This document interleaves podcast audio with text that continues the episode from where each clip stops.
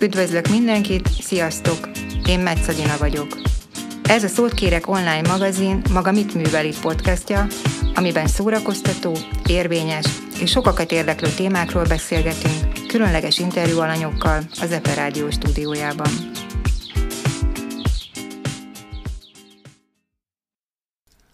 Köszöntöm Gál Andrea, mentálhigiénés szakembert, akivel arról fogunk beszélgetni, hogy tulajdonképpen mi is ez a mentálhigiénia, és miben tud segíteni nekünk a mindennapokban. Az első kérdésem, hogy miben tud segíteni egy mentálhigiénés szakember? Talán kezdjük onnan, hogy mi is az, hogy mentálhigiéné. A mentálhigiéné a lelki egészséget jelenti, a, a személyes jól létünket, a lelki egészségünket, a kiegyensúlyozottságunkat. Egy mentálhigiénés szakember abban tud segíteni, hogy az esetlegesen kibillent lelki egyensúlyunkat segít visszabillenteni. Ebbe semmi varázslás nincs, a saját eszközeit, tehát a kliens saját eszközeit használjuk fel mindenhez. A mentálhigiénés szakember egy útitás ebben a, ebben a kalandban, amikor a kliens keresi az útját, keresi azt, hogy hogyan talál vissza ö, saját megszokott, normál, kiegyensúlyozott életéhez. Mi a különbség a pszichológus, és mi a különbség egy mentálhigiénés szakember között? A pszichológus ő terápiát végez, a mentálhigiénés segítő pedig beszélgetések keretében támogatja a hozzáfordulókat. A pszichológushoz akkor kell fordulni, amikor már mélyebbre kell ásni, esetleg a múltunkból hozott problémák okoznak némi kibillenést az egyensúlyunkból, akkor érdemes pszichológushoz fordulni. Tehát amikor a személyiségen kell egy kicsit igazítani, egy kicsit csavarozni, akkor érdemes a pszichológushoz fordulni. Amikor egy, egy kisebb kibillenés van, akkor, akkor pont elegendő a mentálhigiénés szakember. Ugyanis az, az egészséges pszichével rendelkező átlagember, már pedig a társadalomnak a 80%-a teljesen átlagembernek számít, képes arra, hogy a saját maga megküzdési erőivel segítsen saját magán. És akkor ebben egy, egy útítás vagy tulajdonképpen neki? Igen, ezt, ezt úgy is tanuljuk, úgy is tanították nekünk, hogy mi, mi, mi egy ilyen önismereti úton, egy ilyen visszataláló úton támogatjuk a klienseinket. De te specializálódtál, tehát ugye te azt mondtad, hogy te a munka világában szeretnéd segíteni az embereket. Mik azok a kérdések, amivel lehet hozzád fordulni? Igen, amikor én tavaly decemberben elindítottam a saját úgymond praxisomat, akkor, akkor arra gondoltam, hogy hogy azoknak tudok a legnagyobb segítséget nyújtani, akiknek az életében saját magamnak is része volt. Ugye én az első diplomám az közgazdász, én közgazdászként dolgoztam, illetve dolgozok jelen pillanatban is a mentálhigiéné az egy ilyen hát kiegészítő szerelem számomra. Azt gondolom, hogy azoknak azoknak még jobban tudok segíteni, akik, akik a munkahelyi konfliktusaikat, munkahelyi elakadásaikat, nehézségeiket szeretnék kiegyenesíteni, ott, ott szeretnének visszatalálni például miért van az, hogy mindig valaki más kapja a, a jobb feladatokat, vagy miért mindig a másikat ö, nevezik ki X vezető pozícióra, én már, már megint lemaradtam, vagy már megint úgy érzem magam, mint a kettővel ezelőtti munkahelyemen, hogy kihasználnak, hogy, hogy állandóan túlórázom. Ők azok, akik akiknek talán a, a, a legnagyobb segítséget tudom adni, mert hogy, hogy hogy ezeket a, a nehézségeket én is megéltem. Multivilágból jövök, tudom, hogy ott, ott milyenek a követelmények, milyenek a szokások, milyen a vállalati kultúra. Tehát azt gondolom, hogy ezért vagyok egy picit más, mint aki más szakmából érkezik, mondjuk segítő szakmából. De hogy kell elképzelni egy ilyen segítő órát? Egy mentálhigiénés segítő az nem úgy néz ki, hogy na, beugrom hozzá, gyorsan lebeszéljük, aztán viszontlátásra. Hát ezek, ezek nem ilyen egyórás egy-egy alkalmak, ez általában egy folyamat mentálhigiénés szempontból nem is hívjuk páciensnek azt, aki a segítőhöz fordul, kliensnek hívjuk, mert teljesen egészséges ember, páciensnek meg ugye a, általában a betegeket szokták nevezni, tehát nekünk klienseink vannak. A kliens bejelentkezik a, a segítőhöz, elmondja, hogy mi az a probléma, ami miatt szüksége van segítségre, szüksége van támogató kísérőre, és az első ülésen megegyezünk a keretekben. Általában hetente, főleg eleinte hetente szoktunk találkozni, de vannak olyan klienseim, akik, akikkel egy idő után már két hetente találkozunk, mert sokkal jobban érzik magukat néhány alkalom után, úgy érzik, hogy, hogy ami miatt érkeztek, azokat már sokkal jobban tudják kezelni. 50 perces egy ilyen ülés, és ez az ülés arról szól, hogy a kliens elmeséli, elmondja az érzéseit, hogy milyen, milyen érzések feszítik őt, milyen Nem is problémák. kérdezel, bocsánat, tehát abszolút nem is kérdezel? Nagyon ritkán kérdezek. Nagyon ritkán kérdezek. Nekem az a feladatom, hogy hogy segítsek felismerni a hozzám fordulónak az érzéseit, hogy, hogy mi is az, a, a, amit érez, hogy az most düh, vagy fájdalom, vagy félelem. Tehát mi az érzésekkel dolgozunk egy-egy ilyen ülés kapcsán. Tehát én például nem adok feladatot, amivel foglalkoznia kell a kliensnek a következő ülésig, de igazából két ülés között a kliens dolgozik egyedül. Tehát újraéli azokat a, az élményeket, amiket mi ott ö, végig beszélünk, leginkább ő, sokkal közelebb kerül ezáltal saját magához, a saját érzéseihez. Igen, de hogyha nekem van egy nagyon jó barátom, akivel meg tudom beszélni a problémáimat, akkor mondjuk miért menjek egy ilyen szakemberhez, és miért nem vele beszéljem meg? Hát ha te olyan szerencsés vagy, hogy van olyan barátod, aki, aki nem akar mindjárt megmenteni, aki nem akar mindjárt tanácsot adni, nem akarja azonnal elmesélni, hogy ú, igen, amikor én ugyanebben a szituációban voltam, akkor én mit tettem, hanem csak odaül, és arra kíváncsi, hogy te most hogyan érzed magad. Ha neked van ilyen barátod, akkor tényleg nem kell elmenni ö, mentálhigiénés segítőhöz, ö, mert mert akkor egy olyan ö, támogató közeget tudsz magadnak biztosítani, ami, ami, ami tényleg arról szól, hogy ott elengedheted az érzéseidet, az érzelmeidet. Nagyon sokszor tapasztaljuk, hogy, hogy a barátaink csupán pusztán jó szándékból megmondják a tutit. Egy ilyen mentálhigiénés segítő soha nem fogja megmondani a tutit. Nem fogja megmondani, hogy ú, ezt így kellett volna csinálni, vagy egyébként azt kellett volna mondani a főnöknek, hogy én ezt most nem fogom megcsinálni. Ilyet nem mond egy mentálhigiénés segítő, mert, mert nem ez a dolga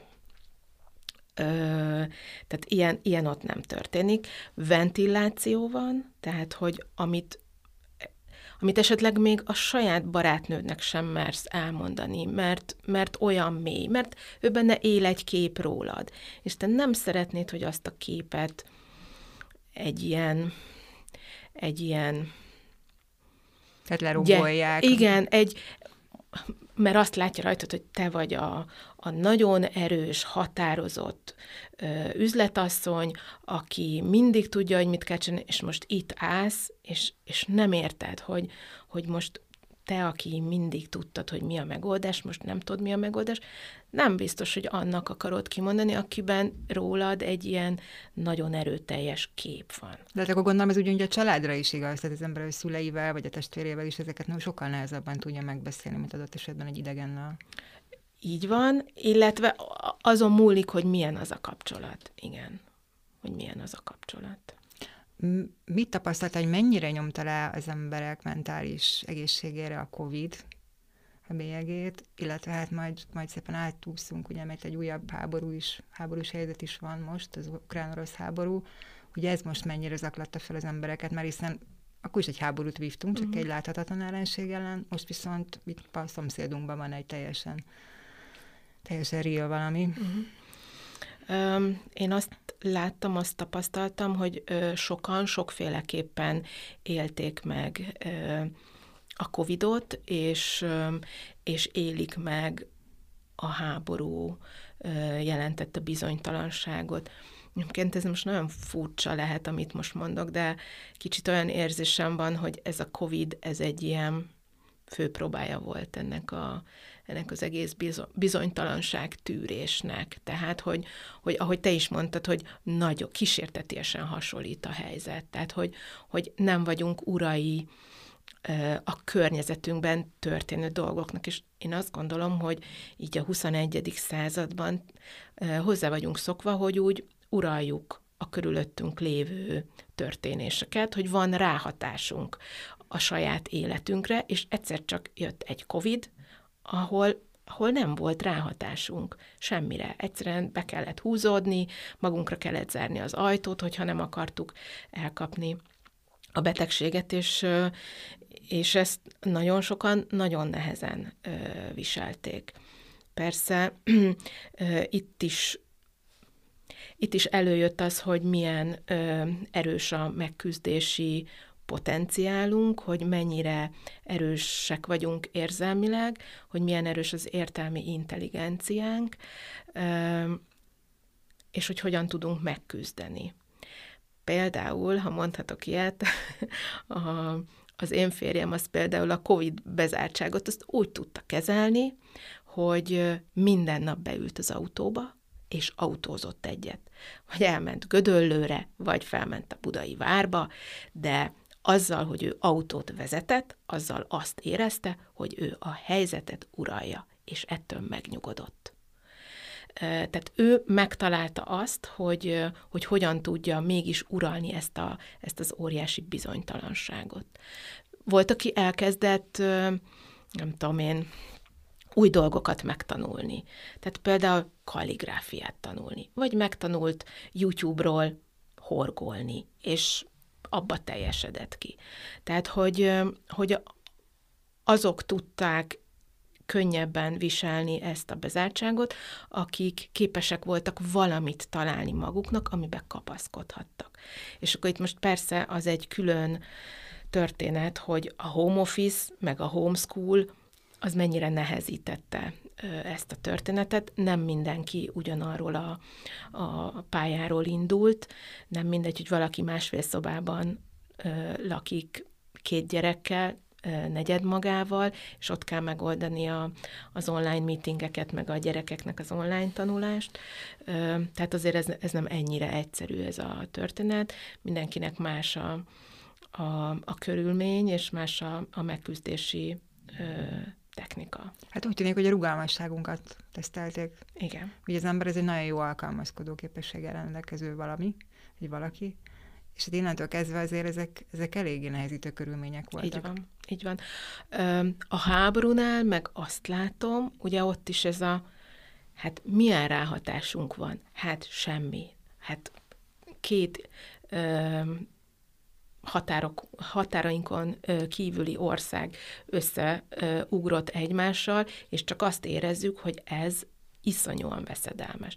Tehát megint a tehetetlenségünk, a saját, ö, saját magunk ö, ö, hatásainak a hiánya, ezt érezzük, és mit csinált? A félország egyszerűen cselekedett elkezdett cselekedni. Elkezdte azt keresni, hogy hogy tud segíteni. Tehát ez is a, a, a tehetetlenséget cselekvésbe fordítottuk át azzal, hogy gyűjtöttünk pénzt, ruhát, élelmiszert, azt kivittük, felajánlottuk a, az autónkat, hogy fuvarozzunk, felajánlottuk a szobánkat, a lakásunkat, vagy az, vagy az önkéntes munkánkat azzal, hogy kenyeret kenünk, meg szendvicset csinálunk. Tehát én, én azt gondolom, hogy, hogy, hogy itt nagyon gyorsan jött a cselekvésbe fordító reakciónk. És szerintem nagyon-nagyon sokat segített mindannyiunk mentális egészségén az, hogy, hogy de igen, tudtam valamit csinálni. Nagyon érdekesnek mondasz, hogy amikor egy ilyen külső hatás éri az embert, akkor a, a, tehát először nyilván mindenki lefagyott, mert én is lefagytam ettől az egész helyzettől, és utána meg az jutott eszembe, hogy mit lehetne tenni. Uh-huh. De amikor meg egy olyan éles helyzetbe kerülsz, hogy munkavilága van, hogy magadél kell kiállni, akkor ez már ezért nem ennyire egyszerű. Én azt gondolom. Tehát akkor már sokkal nagyobb, hogy mondjam, úgy ember, hogy sokkal nagyobb csapda helyzetbe került, mint mondjuk egy Covid, vagy mint mondjuk egy, egy, egy háború. Mert itt ugye már a megélhetésünkről van szó. Uh-huh. Uh, egészen más a helyzet, mert rólam szól, mert a közvetlen, tehát hogy, hogy az arról, hogy nekem lesz-e mit enni, a háború meg reméljük, hogy elég távol van. De, de ott is az jön elő, hogy na vajon egy ehhez hasonló szituációt a múltban hogyan oldottam meg, mit tettem, mit csináltam, milyen eszközeim vannak arra, hogy én ebből, ebből jól jöjjek ki. Tehát itt, itt jön elő az, hogy ismerem-e magamat, az önismeret, amiben a, a mentálhigiénés szakember szintén ö, nagyon erősen tud segíteni. Ö, ismerem-e magamat, tudom-e, hogy mik az én igényeim, tehát például szerintem a munkavilágában ez nagyon fontos, hogy tudom-e, hogy én mit akarok. Tudom-e, hogy, hogy amit én csinálok a munkahelyemen, az, az engem motivál-e? Az érdekes az a feladat, vagy sem, mert hogyha éveken keresztül muszáj munkát végzek, amit egyébként gyűlölök, meg nem szeretem, akkor soha büdös életben nem fogok tudni jó minőségben helytállni, és akkor bizony épülök le. Tehát itt az önismeret, ez nagyon fontos, és az, hogy a, a, a magunkért való kiállás, a, a nemetmondás, ugye nekem ezek ilyen ilyen kedvenc, kedvenc témáim, mert ha, ha merünk magunkért kiállni, és hogyha merjük magunkat arra magas polcra definiálni, ahol ténylegesen vagyunk, akkor, akkor ez onnantól kezdve nem fog problémát jelenteni. Jó, de hát ez egy iszony nagyon ismeret. Úgy van. Tehát van, aki sokkal magasabb definiálja magát, van, aki meg sokkal alacsonyabb definiálja magát. Így van. Egyébként, aki mag, túl magasra definiálja magát, az is előbb-utóbb pont, hogy meg fog küzdeni a saját lelkével, mert magasabbra pozícionálja magát, de nem tudja megugrani azokat a, az akadályokat, akkor nála is jelentkezni fog egy diszonancia. Egyébként én azt gondolom, hogy a lehet, hogy valakinek nem, de én azt gondolom, hogy nagyon fontos kérdés az, amikor azt kérdezik tőlünk, hogy mik az értékeink, tehát uh-huh. mit tudunk hozzáadni ehhez a munkához. És hát azért ehhez is kell egy nagyon-nagyon önismeret, hogy tudjam, hogy én ez ennyi, ennyi idő alatt, mondjuk 20-30 év alatt mi azok a, mik azok a, a tapasztalások, és mi az a tudás, amit felszettem, és ezt a rendszerbe tudom foglalni. Uh-huh. Én én nem tudom, tehát hogy, hogy mik ezek a segítségek, amiket ilyenkor az ember elő tud hívni, hogy tényleg rendszerezni tudja, és tényleg el tudja mondani uh-huh. ezt így kvázi ilyen listában. Uh-huh. Adott esetben egy állásinterjún. Azt gondolom, hogy mik egy papír és egy ceruza. Tehát, hogy leülni magunkba, és végig gondolni, és lehet, hogy nem egy óra alatt fogok ezzel végezni, lehet, hogy napok, hetek kellenek rá, de hogy úgy úgy, hogy tényleg végig gondolni azt, hogy mit értem el, mit csinál, egyetem mit csináltam az elmúlt 20-30 évben. Mi volt az, ami engem ott motivált? Mi tetszett nekem abból a legjobban? Melyik, ö, melyik szituációban, melyik munkában éreztem a leges legjobban magam? Vajon miért? Mi kellett ahhoz? Jó csapat? Jó főnök? Izgalmas feladat? Vagy vagy valami olyan jutalom, amit beígértek, és akkor azt elérhetem? Tehát, hogy mi volt az, ami engem ö, odalökött, hogy a legjobb teljesítményt tudjam leadni. Ö, és ha ezeket így, így szépen papírra vetjük, és végig gondoljuk, ö, akkor úgy, úgy tényleg le fog ez így szépen tisztulni. Aztán, ha van valaki, akivel ezt, ezt akár ki is lehet beszélni, ö, akkor az meg még, még nagyobb segítség. Esetleg kérdéseket tesz fel hozzá, amikre én nem is gondoltam, de, de ő, és akkor ezzel, ezzel akár túl is lendíthet dolgokon, vagy, vagy bizonyos dolgokra rávilágíthat. Például, hogy, hogy, hogy bizonyos dolgokat nagyon alacsonyra értékelünk szokott ilyen lenni, hogy ó, hát én csak egy házi asszony vagyok, én nem csinálok egész nap semmit. Mondjuk egy olyan anyuka, aki otthon van gyesen a, a gyerekével. És amikor, amikor azt mondjuk, hogy jó, akkor írt föl, hogy egyébként mi az, amit csinálsz, akkor kiderül, hogy, hogy egy csomó mindent nem is értékel arra, hogy azt ő elvégezte. Tehát nincs tudatában annak, hogy ez hogy az érték, egy munka. És hogy az egy érték. Így van. Hm. És mi van akkor mondjuk, hogyha én elmegyek egy álláshirdetésre, én tudom az értékemet, de ugyanakkor a velem szemben ülve, meg ezt próbálja minél alacsonyabbra értékelni, mert, mert mondjuk kevesebbet akar fizetni. Uh-huh. Én azt gondolom, hogy ö, amikor ott szemben, szembe ülsz egy HRS-sel, vagy egy szervezeti vezetővel, akkor abban a pillanatban ti még ellenérdekelt felek vagytok. Neked az az érdeked, hogy minél magasabb ö, bért tudjál elérni. Ő neki lehet, hogy az az érdeke, hogy minél alacsonyabb bérért szerezzen meg. Én azt gondolom, hogy hosszú távon ez az ő szempontjából ö, nem jó hozzáállás, mert ha, ha te azt mondod, hogy jó, nekem erre nagyon szükségem van, erre a munkára, akkor jó, eljövök a kevesebbért, de de nem, nem teljesen füligérő szájjal fogsz arra munkahelyre bejárni, már az első perc kezdve ott lesz a, az a fájdalom, hogy hát én azért ide kevesebbért jöttem el, mint amennyit szerettem volna. Olyan lehet, hogy van a mérleg túloldalán, vagy a másik serpenyőjében van valami, ami viszont kiegyenlíti ezt például olyan izgalmas feladat, vagy olyan, olyan jövőbeli perspektíva, vagy, vagy nem tudom én, olyan külföldi kiküldetési lehetőség, kinek mi a motivációja. Tehát lehet, hogy, hogy valamiért engedsz, de hogyha csak azért engedsz, mert ő nem hajlandott többet adni, hát akkor érdemes végig gondolni, hogy biztosan akarom-e én azt. És ilyenkor jön az, hogy érdemes nemet mondani adott esetben? Úgy van. Úgy van. És hogyha te tisztába vagy az értékeiddel, akkor egyszerűen nem tud megingatni. Tehát, hogy ja, hát, és olyan is van, hogy, hogy az a szervezet arra a pozícióra nem tud többet fizetni, de akkor nem neked kell ott dolgozni. Igen, csak nagyon sokszor az ember megéri azt a nyomást, hogy muszáj elmenni dolgozni. Uh-huh. Mert ugye kell étel, ki kell fizetni a rezsit, fenn kell uh-huh. tartani a lakást, autót. Tehát, hogy, az, hogy, hogy van-e egy olyan határ, amíg az ember alkudjon meg? Tudsz-e ilyet mondani? Vagy, vagy egész egyszerűen ez egy annyira speciális kérdés, hogy erre nem lehet Igen, én, fekete-fehéren. Én azt gondolom, hogy ez tipikusan az, hogy ezt nem a segítő tudja megmondani, uh-huh. hanem, hanem ezt, ezt a kliens tudja, hogy mi az, ami neki még megéri, és mi az, ami, uh, ami ami miatt neki muszáj odébb állni, és egy másik lehetőséget ö, találni. Te csak abban tud segíteni, hogy ki mondja adott esetben ezt, ha nem ismeri kimondani? Mármint ezt hogy Hát, érted? hogy udébb álljon, vagy ne fogadja el ezt a munkát. Igen, igen, tehát, hogy abban, abban tud segíteni, hogy a döntést meghozza. Tehát ö, ö, az is egy döntés, hogy nem hozunk döntést. Mondjuk mm, állásinterjún ez, ez, ez, ez nem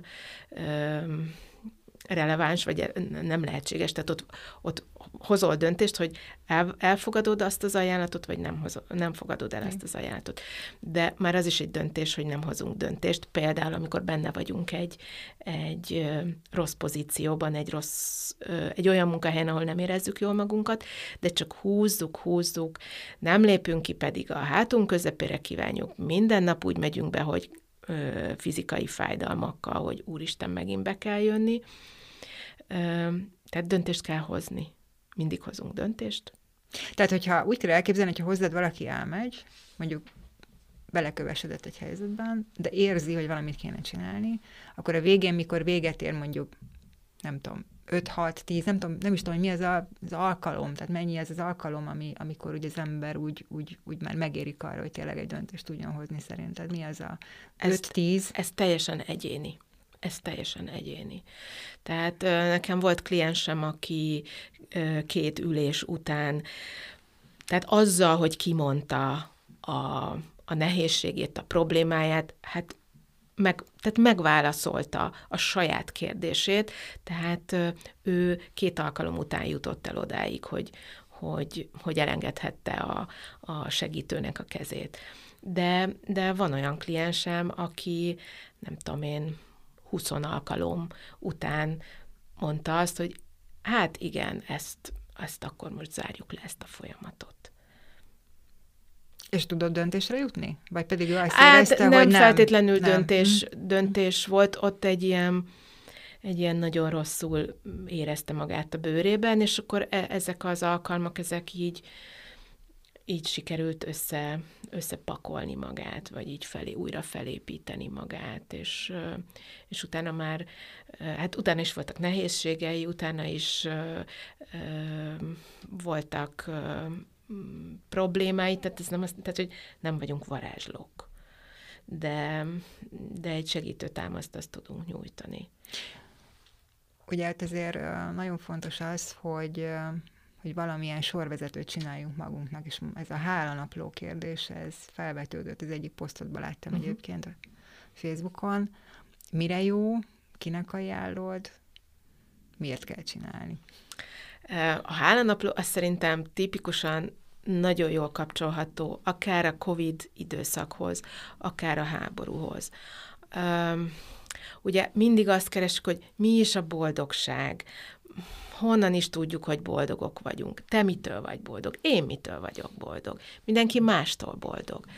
Um, amikor nehézségeink vannak, akkor, akkor meg aztán végképp úgy érezzük, hogy teljesen boldogtalanok vagyunk mire jó egy hálanapról, hogy az apró dolgoknak is tudjunk örülni. Amikor úgy érezzük, hogy na most aztán teljesen szétesett alattunk minden, akkor is érdemes a napunkat végig gondolni, mert biztos, hogy volt benne csak egy mosoly, vagy az, hogy a busz, buszvezető megvárt, és nem csukta be az órom előtt az ajtót. Tehát, hogy ezek is olyan apró örömök, amiket, hogyha ha tudunk helyén kezelni, akkor már sokkal könnyebb uh, átvészelni a nehéz időszakokat is. De akkor miért nem örömnapló? Azt is lehet mondani, örömnaplónak is uh, lehet mondani, de például le, lehet örömnapló, de az a, tehát amikor amikor nehezebb helyzetben vagy, és úgy érzed, hogy, hogy hát én, nekem, én most teljesen boldogtalan vagyok, akkor, akkor akkor nehezebb azt mondani, hogy na, akkor örömnaplót vezetek, mert én most nem vagyok örömömben. Én most rossz paszban vagyok. De hálás akkor is lehetek. Azért, mert csivitelnek a madarak, mert gyönyörűen süt a nap, mert a, nem tudom én, már föl lehetett húzni a tavaszi cipőt, és el lehetett rakni a, a vastag csizmát. Tehát, hogy ezek az apró dolgok, ezek a hála dolgok. Vagy például, hogy hálás vagyok azért, hogy, hogy hogy van hol lehajtani a fejemet, hogy, hogy, hogy van otthonom, amelyik be van rendezve, ahol meleg van, ahol van fűtés, ahol folyik a meleg víz a csapból. Tehát, hogy ezek ilyen, ilyen teljesen hozzá vagyunk ehhez szokva, de ha most kitekintünk például Ukrajna felé, akkor rá kell jönnünk, hogy ez mekkora nagy hála, hogy nekünk ez van. Tehát próbálj meg a jó dolgokat észrevenni magunk körül. Igen. Tehát ha a boldogságunk azon is múlik, hogy, hogy észrevesszük-e a jó dolgokat is magunk körül. Egyébként mondtad, hogy nem szoktál tanácsot adni, te egy kísérő vagy ezeken az alkalmakon, amikor összejössz a, a, az éppen a, a klienssel, de hogy ez a három napló, ez azért előkerülhet egy ilyen beszélgetésen? Ö, persze, persze, persze, persze. Igen. Tehát, hogy ö, ö, van, hogy amikor így nagyon-nagyon mélyen vagyunk, akkor előkerül az, hogy és, és utoljára, amikor éreztél ilyet, vagy olyat, vagy amolyat olyankor azért ez előjön. Tehát, hogy ott is előszedjük, és, és akkor ott is előjöhet ez a, ez a fajta megoldási lehetőség. Igen, de panaszkodni jó. Hát azért az, abban megállapodhatunk, hogy panaszkodni nagyon jó. És hát ezért ez a magyar néplélektanom is nagyon áll távol, hogy panaszkodjunk. De hogy akkor, ha jó örömet is fölírni, akkor miért jó panaszkodni? Én azt gondolom, hogy a panaszkodásnak szintén mentálhigiénés, lelki egyensúlyt fenntartó szerepe is van. Tehát az, hogy engem ért valamilyen ö, élmény, azt úgy jó megosztani. Jó megosztani másokkal. Ha jó érzés, akkor azért, mert, mert mondjuk a családom, a férjem részesüljön abból, ami, ami nekem jó. Tehát megosztom vele, mert akkor már kettőnknek jó. A panaszkodás meg talán leteszem a terhet, hogyha van kivel megosztani a, a nehézségemet, már, már attól könnyebb lehet. Egy mentálhigiénés ülés is nagyon sokszor látom, hogy, hogy arra van szükség a kliensnek, hogy jól kipanaszkodhassa magát hogy letehesse azokat a terheket, hogy elmondhassa a nehéz érzéseit, és akkor ettől felszabadul. Számtalanszor van, hogy kilépnek tőlem a kliensek, és mondjuk 20 perc múlva kapok egy üzenetet. Valami, valami jóval, valami jó történéssel. Egyébként ma pont volt nálam délelőtt egy kliens, és 20 perc múlva, hogy kilépett, nagyon-nagyon nem jól érezte magát, úgy jött el hozzám, és 20 perc múlva egy, egy nagyon pozitív üzenetet kaptam tőle. Tehát azzal, hogy ő ott ki tudta ventilálni, hogy, hogy, hogy megtaláltuk közösen, hogy, hogy azok az értelmezések, amiket ő ott egy helyzettel kapcsolatban tett, azok, azok nem is biztos, hogy úgy voltak, azokat lehet, hogy ő pakolta rá arra a helyzetre, és hogy teljes felszabadultsággal folytathatta a napját. Hát igen, de ez a jó panaszkodás. Ez a jó panaszkodás. De ugye hát ezért van rossz panaszkodás is. Ö, ha, igen, ha volt egy olyan posztom, lehet, hogy, hogy, hogy ez az, ami, ami téged megmozgatott, hogy, hogy panaszkodni jó, csak hogy ne te legyél az energiavámpír, aki, aki állandóan csak panaszkodik. Tehát a panasz, bizonyos típusú panaszok leépíthetnek, vagy lehúzhatnak. Tehát ha semmi más nem történik, csak a panasz, a panasz, és csak kiokádja magából az ember a negatívumot, akkor egy, akire ezt ráönti, őt nagyon fogja frusztrálni, és már menekülni fog tőle. Vagy az ő energiáit is nullára írja le, és akkor már ketten vannak nagyon rossz helyzetben. A panasz akkor rossz, és akkor káros, hogyha nem párosul hozzá valamilyen cselekvés, valamilyen megoldási módszer, valamilyen megoldásra való törekvés. Tehát, hogyha csak azért panaszkodsz, hogy, hogy esetleg felhívd magadra a figyelmet, vagy, vagy, vagy elő lehessen adni a mártírt, mert vannak ilyenek is, akár a munkahelyeken is, aki állandóan arról panaszkodik, hogy aztán neki mennyi dolga van, úristen, és, és itt senki nem dolgozik, csak én, hát őket szokták energiavámpírnak hívni, akinek a környezetében úgy érzed magad, hogy, hogy hát minden energiád elszállt, hogy frusztrált leszel, hogy nem tudsz haladni a saját dolgaiddal, mert ez állandóan feltart, és állandóan csak ö, löki a negatív hullámokat feléd, és ezekkel az emberekkel nem szeretsz együtt lenni, nem szeretsz velük találkozni. Tehát akkor rossz a panaszkodás, hogyha az nem arra irányul, hogy megoldást találjon.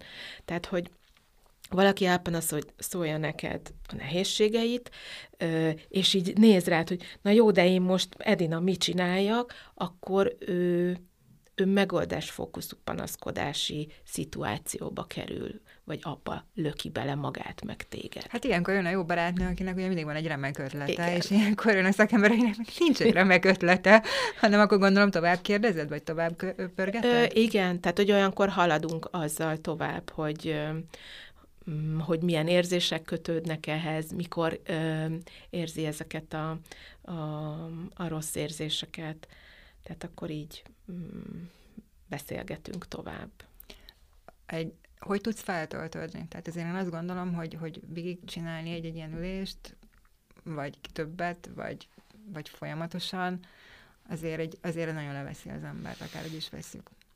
Tehát hogy tud egy ilyen mentálhigiénével foglalkozó szakember feltöltődni a mindennapokban?